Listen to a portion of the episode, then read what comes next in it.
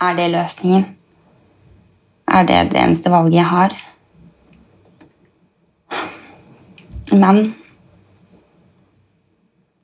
jeg elsker jo livet, og det visste jeg jo at Min historie skal ikke, skal ikke ende på den måten.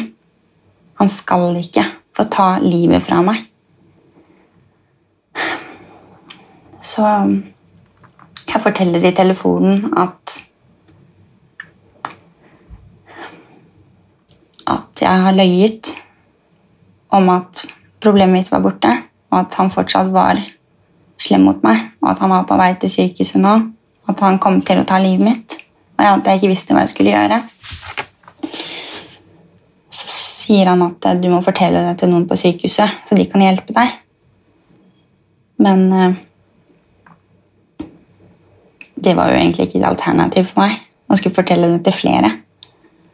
Jeg ville jo egentlig bare at han skulle hjelpe meg med det. Men det var ikke så lett. Han bodde jo et helt annet sted i landet og hadde jo ikke mulighet til å komme dit heller. Og han forstår at jeg er så redd at jeg ikke klarer å tenke klart.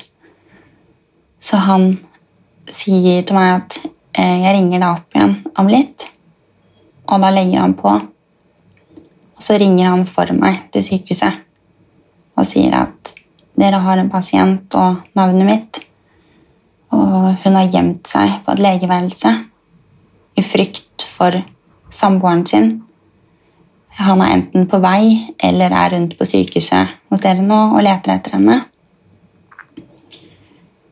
Eh, så de tok jo umiddelbart og stengte alle avdelingene for besøk.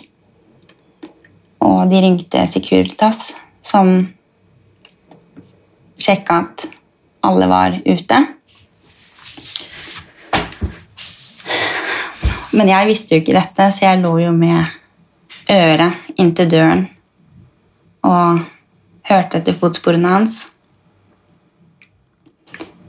Og så ble det helt stille.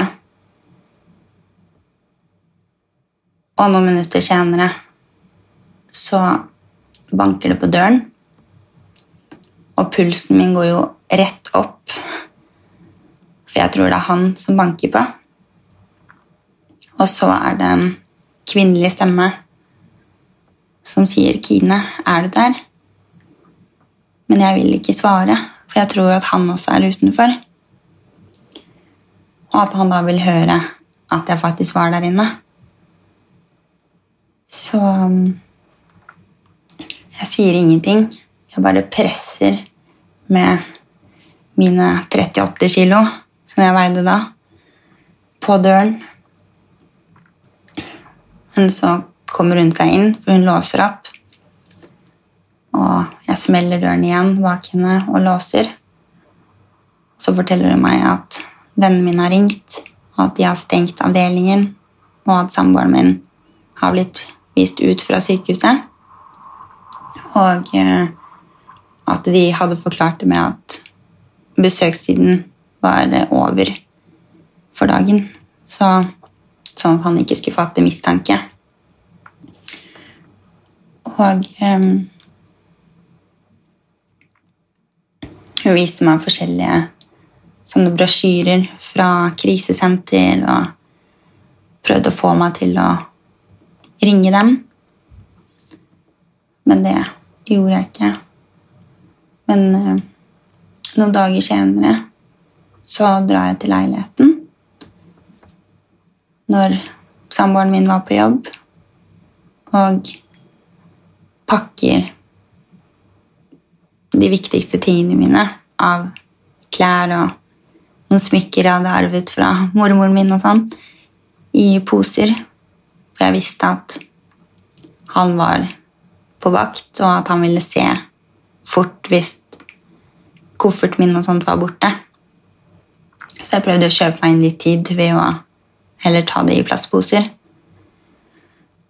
Og jeg ringer til pappa. Og han kommer og henter meg. Og så sier han skal du, skal du flytte inn, du, eller? Fordi han trodde jo at jeg bare skulle på et lite besøk, men jeg kom med så mye ting. Og det, det var jo det jeg skulle.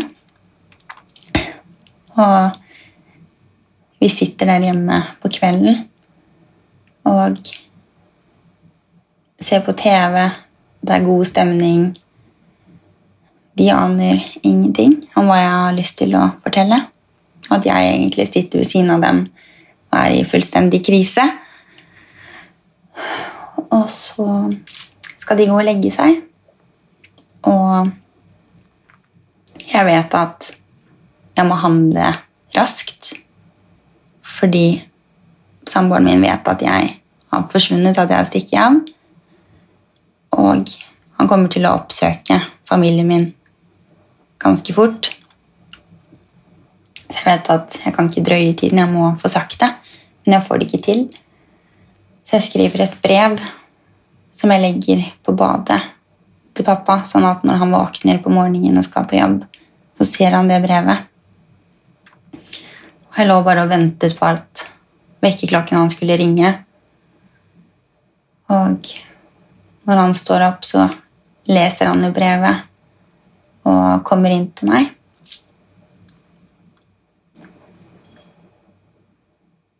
Og vi begge gråter, og han sier at han skal hjelpe meg. Og han ringer til mamma, som kommer. Og de har jo avtalt at de skal få meg til å anmelde. Men um, før mamma rekker å komme, så drar pappa ut en tur. Og da er det stemoren min som er hjemme. Og uh, hun skulle bare ut med søpla.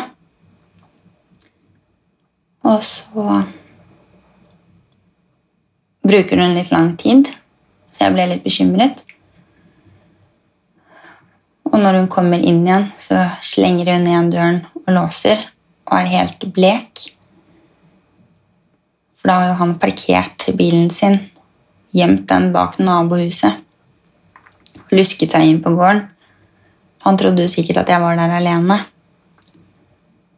og da truffet på henne ute. Og sett henne i øynene og smilte og lurte på om jeg var der. Så svarte hun at ja, Kine er her, og du skal holde deg langt unna henne. Aldri oppsøk henne igjen. Og hun ble jo full av adrenalin, for hun visste jo ikke hva han kom til å gjøre når han fikk den beskjeden. Men eh, da hadde han faktisk ja, Han prøvde å få fram noen krokodilletårer og si at han skulle skaffe seg hjelp, og at han ikke hadde ment det sånn. Og da gikk hun bare fort inn, sånn at han ikke skulle få tid til å gjøre noe. Når mamma og pappa kom og skulle ha den samtalen med meg om at dette må vi anmelde. Det er eneste løsningen. Så trodde jeg at de var helt gale, som hadde tenkt å gå til politiet når man hadde den statistikken. Det var jo helt klart for meg at det var ikke en mulighet. Det var ingenting de kunne hjelpe meg med.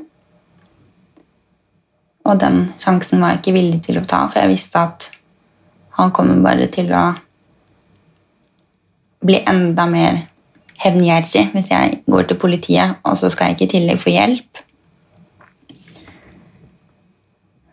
Men uh,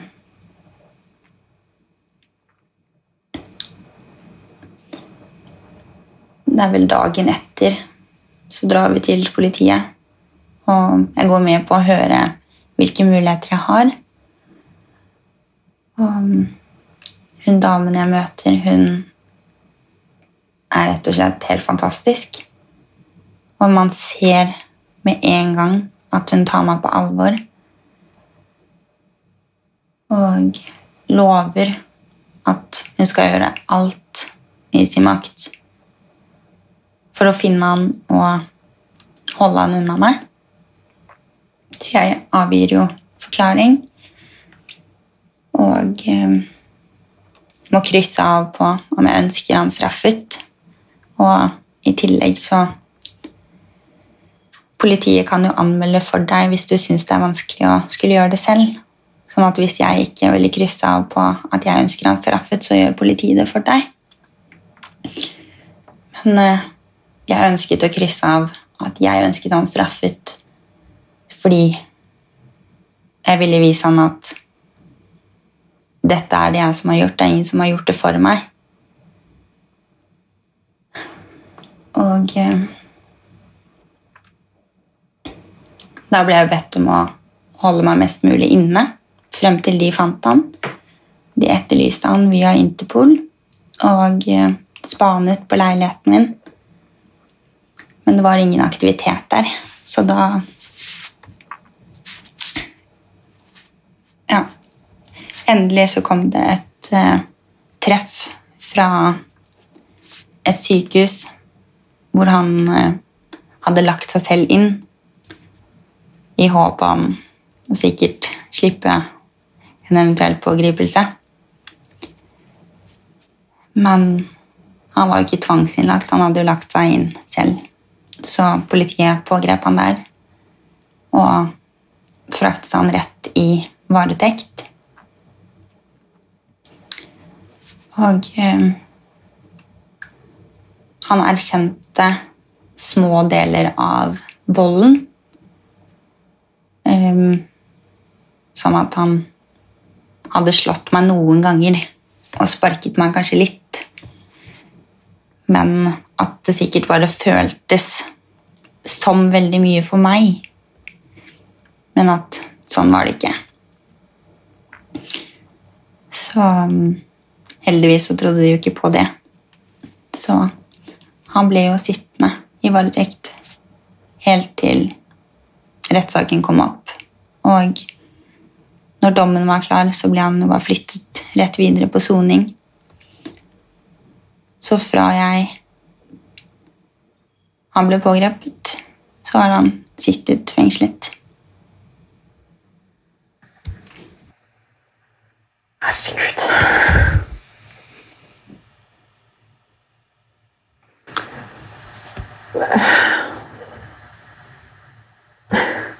Jeg vet egentlig ikke hva man sier. jeg. Det er nesten sånn Jeg er bare så sint og så lei meg. Og jeg har så enormt stor respekt for deg. Og så lurer jeg sånn på Når han ble pågrepet, og det på en måte dette ikke var din forferdelig vonde liksom, hemmelighet lenger, eller deres, Mm. hva, hva følte du da? Hvordan hadde du det da?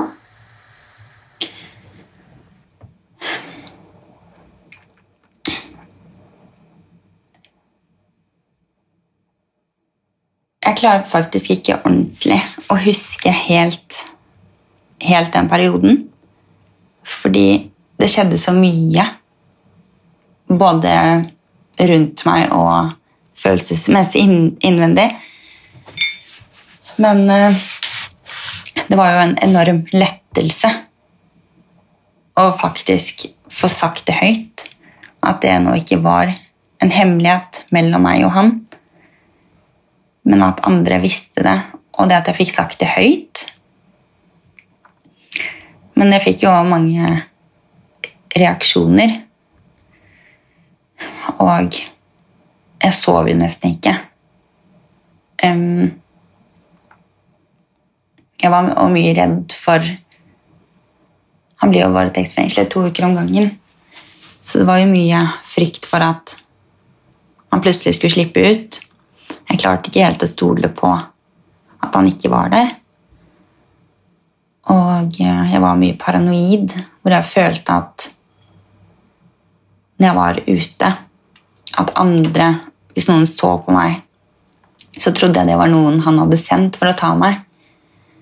Og hvis det var noen som lignet litt på han, så sprang jeg jo, fordi jeg trodde at de hadde sluppet han ut og glemt å ringe meg. Så jeg har jo ringt både politiet og advokaten min ganske mange ganger for å få de til å sjekke at han fortsatt sitter der. Og jeg begynte jo å gå til psykolog veldig fort. Jeg skulle på en sånn ja, en time først, og så skulle hun finne ut hvilke psykolog jeg skulle snakke med. Og så ble jeg satt opp på venteliste. Men når jeg kom til henne og fortalte, så sa hun at egentlig så er det ikke noe ledig før om noen måneder, men jeg vil at du skal komme hit en gang i uken og snakke med meg. Så da gjorde jeg det.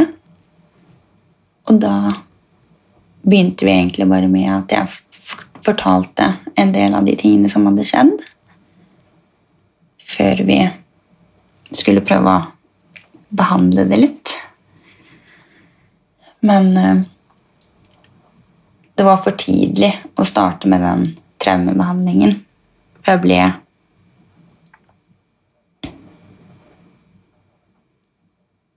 dårlig av det, både fysisk og psykisk. At jeg fikk oppkast og enda mer mareritt og ble enda mer paranoid. Så vi fokuserte på å snakke om hva som skulle skje videre med rundt rettssak og de tingene der, og forberedte meg på det. Og så ble vi enige om å heller starte traumebehandling når ting var litt roligere rundt. Så men jeg husker også når jeg kunne møte vennene mine og familien min igjen og være ordentlig med dem. Hvor fantastisk det var. Jeg var så takknemlig for at jeg hadde livet i behold. Og alle sånne småting Bare at jeg kunne velge maten min selv. At jeg fikk lov til å gå på do når jeg måtte gå på do. Alle sånne ting som man før hadde tatt som en selvfølgelighet. Bare var en lettelse og en glede for meg. Så selv om det var tøft, så var det òg veldig godt.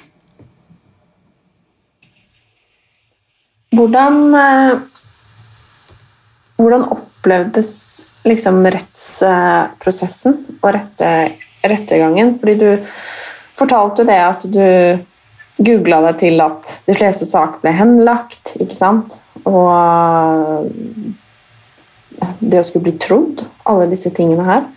Hvordan, hvordan opplevde du det? Jeg husker den første dagen veldig godt. Altså, jeg sov jo ikke natten før.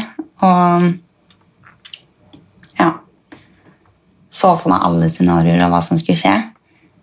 Og eh, jeg hadde jo Advokaten min hadde søkt om at han skulle sitte på et siderom og følge rettssaken via eh, video.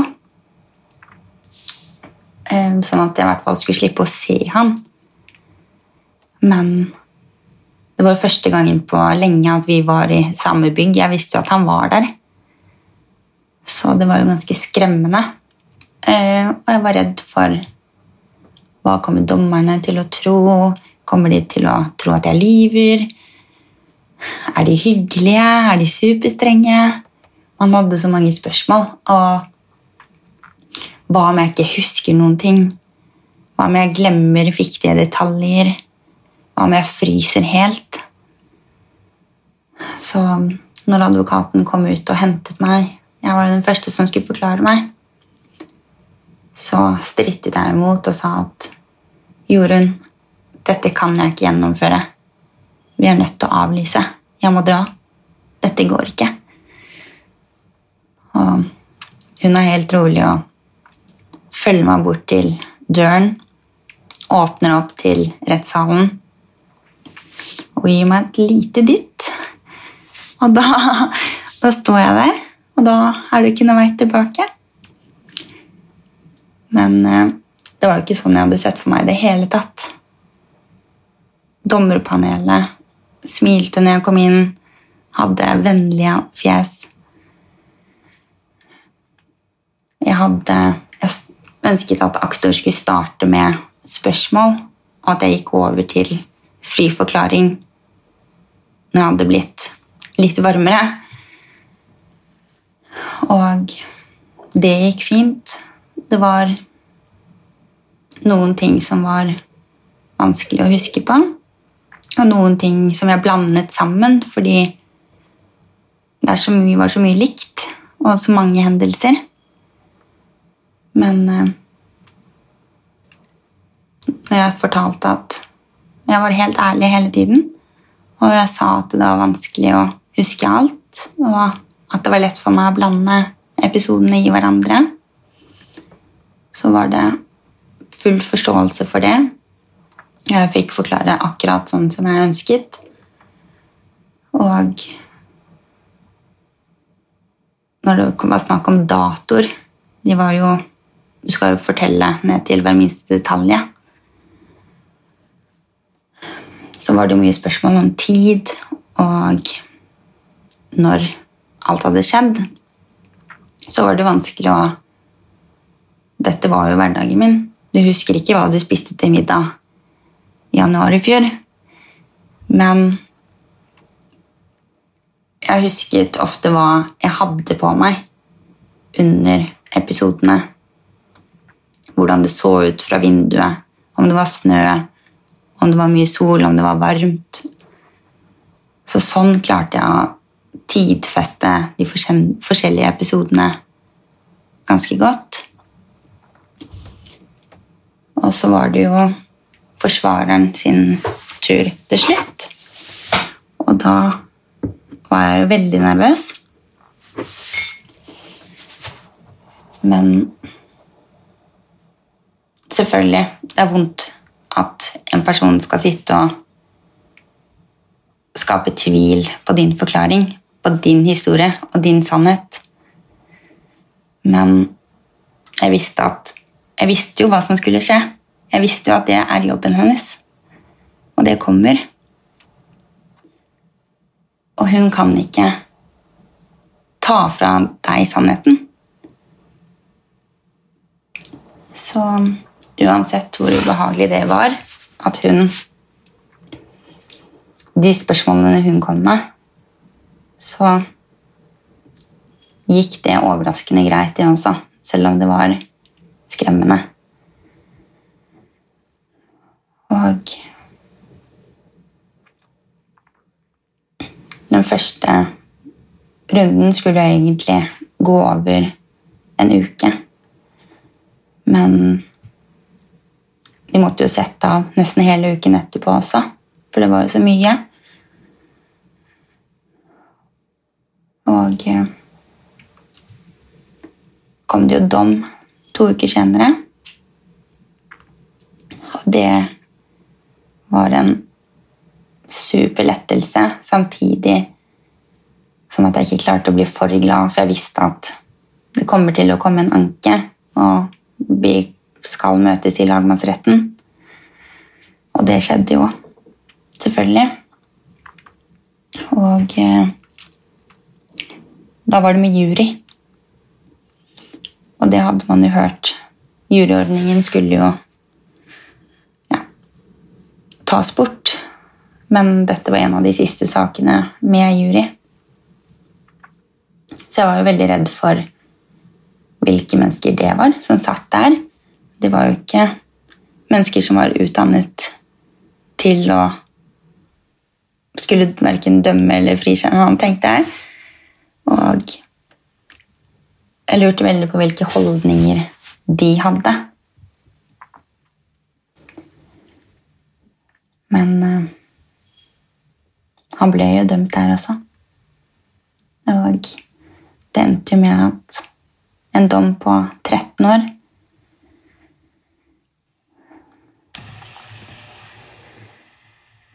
Heldigvis. mm,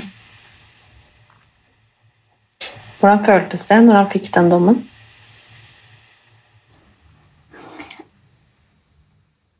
Det kan ikke beskrives.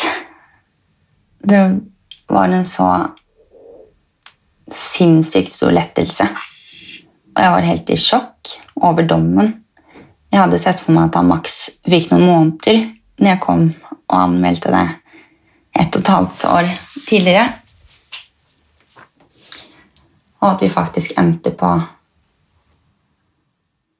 Ja, det er jo, var ingen lignende dommer tidligere som var så høye på familievold og overgrep. Så jeg var veldig letta og glad for det. Ikke bare at jeg ble trodd, men at de tok det såpass alvorlig. Og i tillegg at den dommen kan bli brukt som rettspraksis senere i lignende saker. At nå kan man Nå er det en så høy dom at man kan bruke den igjen da, for andre som opplever det samme. For han ble jo også dømt eh, for lignende forhold mot en annen ekskjæreste. Mm. Hun, hun var jo med under rettssakene og vitnet der. Og så ble det opprettet en egen sak Eller volden mot henne var med i min runde. Og så, under forklaringen hennes Det var jo ti år siden det hadde skjedd med henne. Så når hun snakket med politiet, så hadde hun ikke så mye å, mye å si, fordi hun hadde fortrengt den tiden. Men når hun kom i rettssalen og begynte å ta frem disse minnene igjen, så kom det jo veldig mye. Og um, aktoren valgte da å ta ut tiltale på voldtekter av henne også. Og da ble det jo opprettet en ny sak på det, fordi han ikke tillot å kjøre det i samme runde. Så um, da vitnet jo jeg for henne i hennes sak, og så fikk han da i den siste runden med henne en samlet dom på alle forholdene, da. Og det var vel blant annet 190 voldtekter. Ja, eh, aktoren la jo frem at hun Det hun mente, var jo at det hadde vært over 300 voldtekter.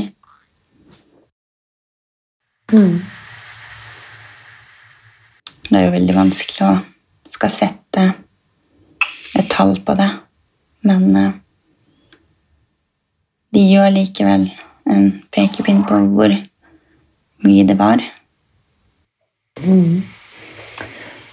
13 år er jo veldig lenge, Ja.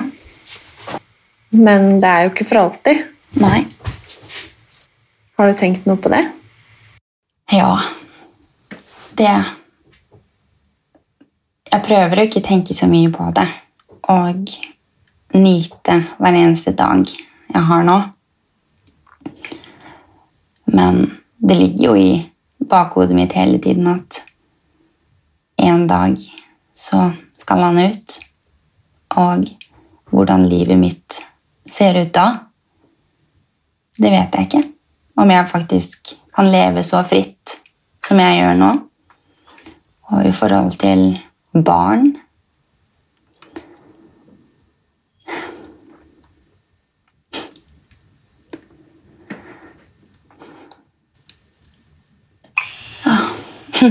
Jeg skjønner at det er vanskelig. Det er dritvanskelig. Ja. Jeg tenker mye på det. Spesielt sånn Jeg er veldig glad i mennesker generelt, men barn det er noe jeg har lyst på i livet mitt. Men det er jo også noe jeg er veldig redd for på grunn av han. Hvordan skulle det vært? Setter jeg dem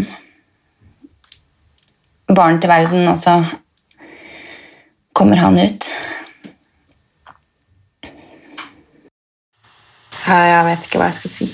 Nei.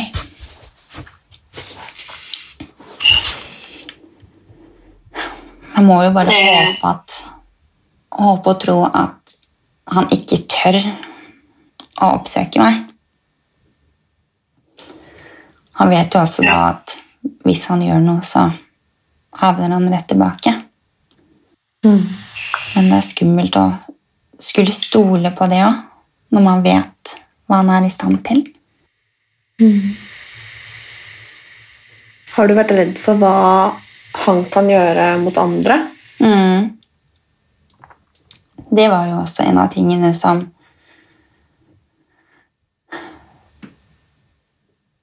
ja, dro meg da til å faktisk avgi en forklaring. At om han ikke oppsøker meg og skader meg mer, så kommer han jo til å gjøre dette mot andre jenter.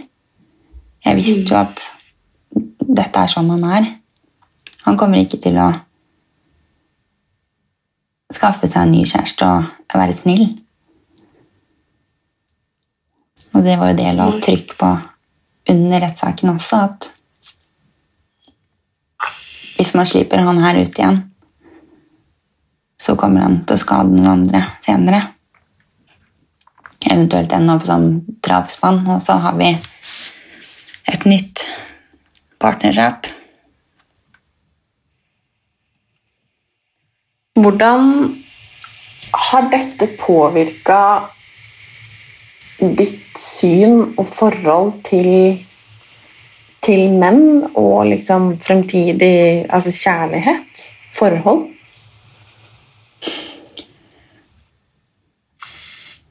I starten, eller ganske lenge, så tenkte jeg at nå vil jeg bare være for meg selv resten av livet. Og ikke fordi at jeg trodde alle menn er sånn, fordi det vet jeg jo at det er de jo ikke. De fleste er jo gode og snille. Men jeg var redd for at jeg skulle møte på en som var på den måten igjen. Og eh, når venninner og familien begynte å snakke om at ja, hvordan tror du skal du ut og flørte litt, og når de begynte å tulle litt med de tingene der igjen, så var jeg sånn Nei, nei, nei. Det, det er det siste jeg skal. Der skal jeg aldri rote meg bort igjen. Men eh, jeg har jo hatt kjærester før. Jeg har jo hatt et sexliv. Det har vært fint. Jeg visste jo at disse tingene er jo noe jeg vil ha i livet mitt. Så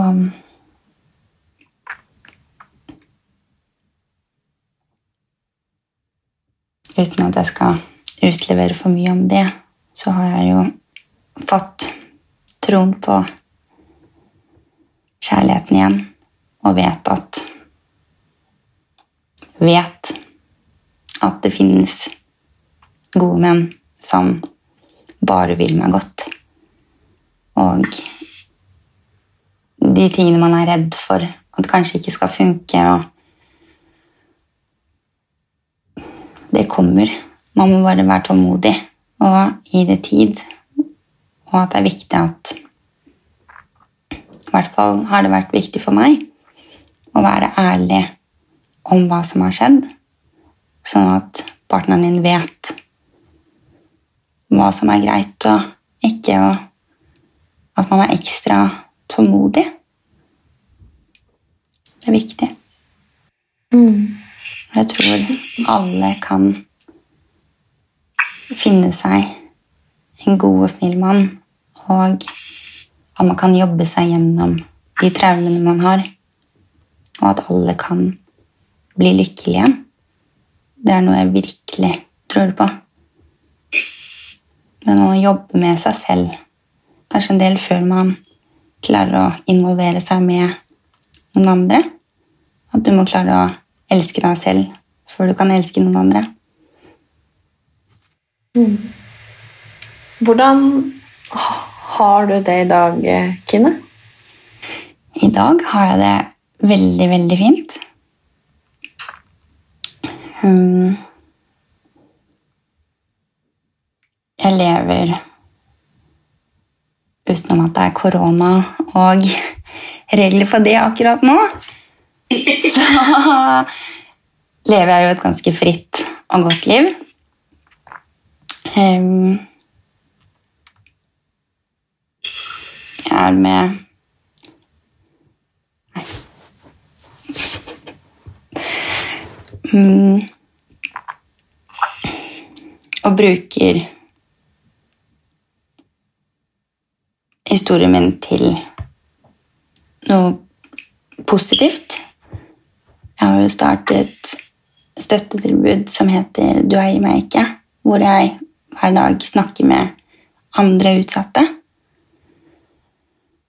Og det er mange som spør meg hvordan jeg orker å jobbe med det når jeg har gått gjennom dette. Om det drar fram traumer og minner hver dag. Og flere som har sagt at å, du må legge det, legge det bak deg. Og... Men det er en av de tingene som gjør meg lykkelig og kan hjelpe disse kvinnene med å få det godt igjen. Motivere dem til et liv i det fri. Og ja, bruke dette til noe positivt. Ikke bare at det skal være en vond fortid, men at det faktisk kan bli en styrke da, i livet. Og at det kan, hvis det kan hjelpe andre, så vil jeg selvfølgelig bruke det. Så jeg er bare veldig glad for at jeg får lov til å gjøre det, og at så mange mennesker betror seg til meg og forteller og ønsker hjelp fra meg. Om Jeg har to spørsmål. Og det ene er om man har en mistanke, eh, enten om det er eh, hos naboen sin, eller om det er en god venninne, eller hos en familie, eller, altså, uansett hva det, hva det skal være. Um, hva kan man gjøre om man på en måte har en litt dårlig magefølelse på at det er noe som ikke stemmer? Jeg tenker at vi må være flinkere til å tørre å spørre. Og ikke gå rundt grøten, men være litt direkte i spørsmålet ditt. Har du det bra? Er det, er det noen som er slemme mot deg? Er partneren din voldelig? Altså, spør. Kanskje personen blir sint der og da for at Hvis det ikke stemmer, da. At man blir sint for at man kan tro noe sånt om en mann som ikke er annet enn god. Men hvis magefølelsen din faktisk stemmer, og han ikke er snill, eller hun, så kanskje du får et ærlig svar. Og kanskje du ikke får et ærlig svar. Men det vil kanskje gjøre Du vil kanskje få et svar likevel ved ansiktsuttrykket når du spør, som gjør at du ikke vil gi deg. Ta kontakt med bolinjen, f.eks. Hør med de hva du kan gjøre. Du kan jo sende inn en bekymringsmelding til politiet. Det er jo ting du kan gjøre for å hjelpe. Men man må tørre å spørre. Det tror jeg er veldig viktig. At vi er så redd for å blande oss inn i andres liv. Den kampanjen med nabovarsel også, den syns jeg er veldig fin.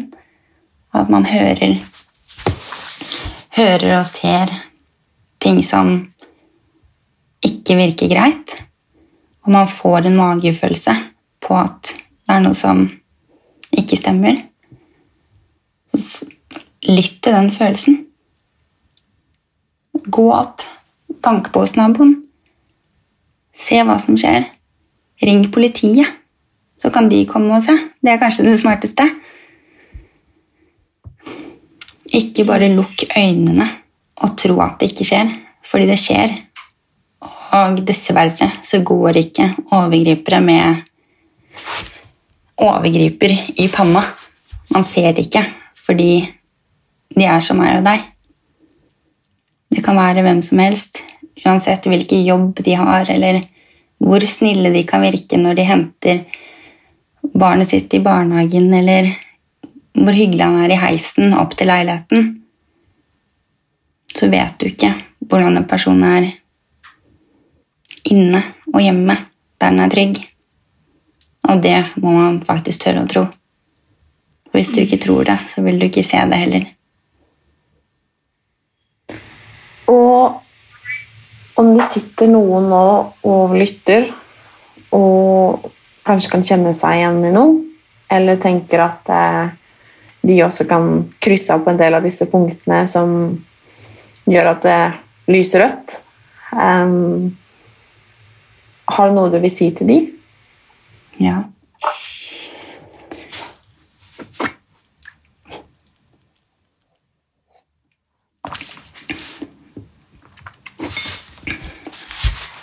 Hvis du kan kjenne deg igjen i noe av det jeg har fortalt nå, eller at du kan krysse av på den listen som jeg fortalte deg om,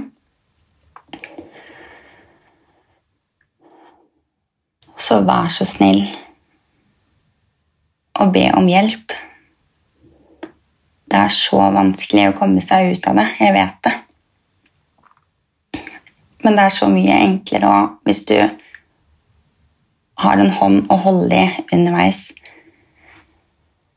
Om du ønsker å ta kontakt med meg, sånn at jeg kan sette deg i kontakt med helsepersonell eller politiet eller noen andre som kan hjelpe, at det føles lettere, så gjør gjerne det. Ta direkte kontakt med Volinjen. De er helt fantastiske. Fastlegen din, alt av helsepersonell har taushetsplikt, hvor du kan rådføre deg uten at de gjør noe uten at du ønsker. Bare fortell det til noen. Fordi du fortjener bare det beste. Du fortjener å være lykkelig. Du fortjener absolutt ikke at noen utsetter deg for verken psykisk, fysisk vold eller overgrep.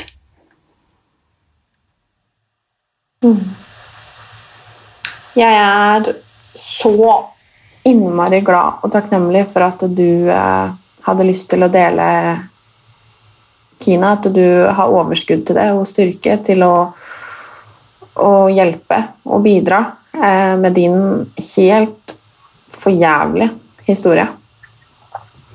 Em, jeg har lært mer nå enn på lenge, og jeg sitter igjen med en sånn følelse av at eh, jeg skal aldri under noen omstendigheter lukke øynene eller gå forbi eh, hvis jeg tror det er et eller annet som ikke stemmer.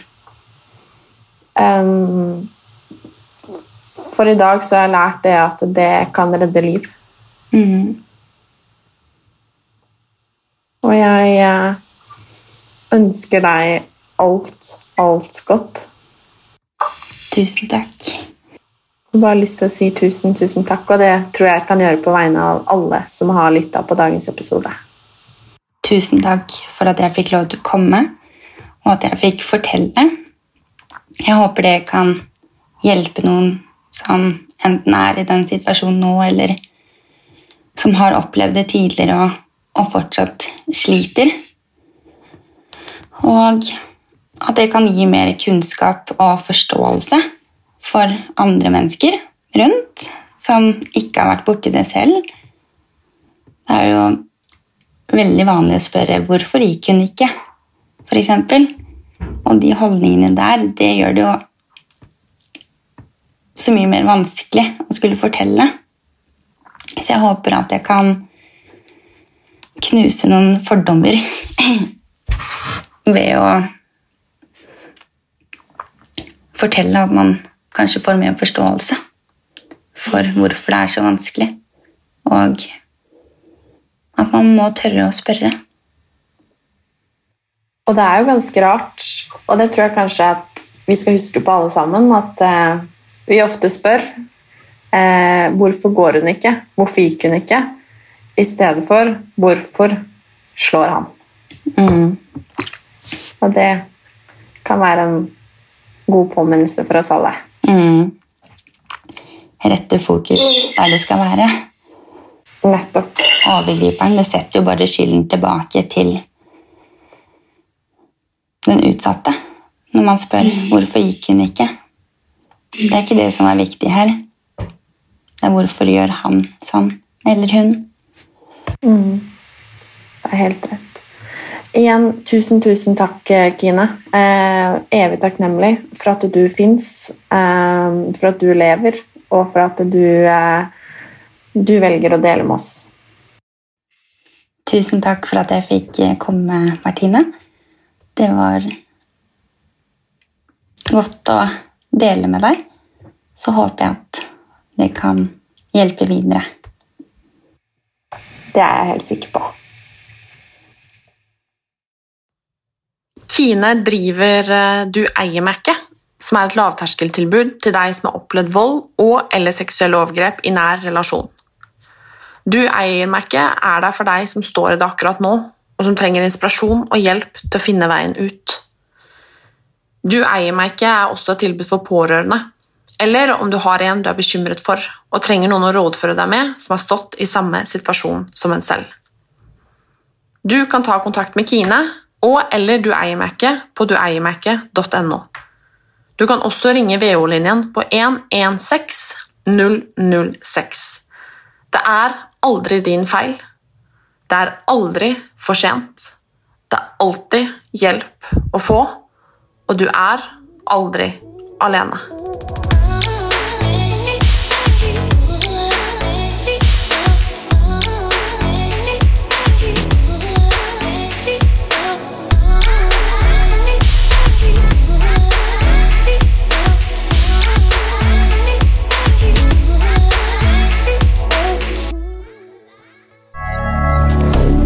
Moderne media.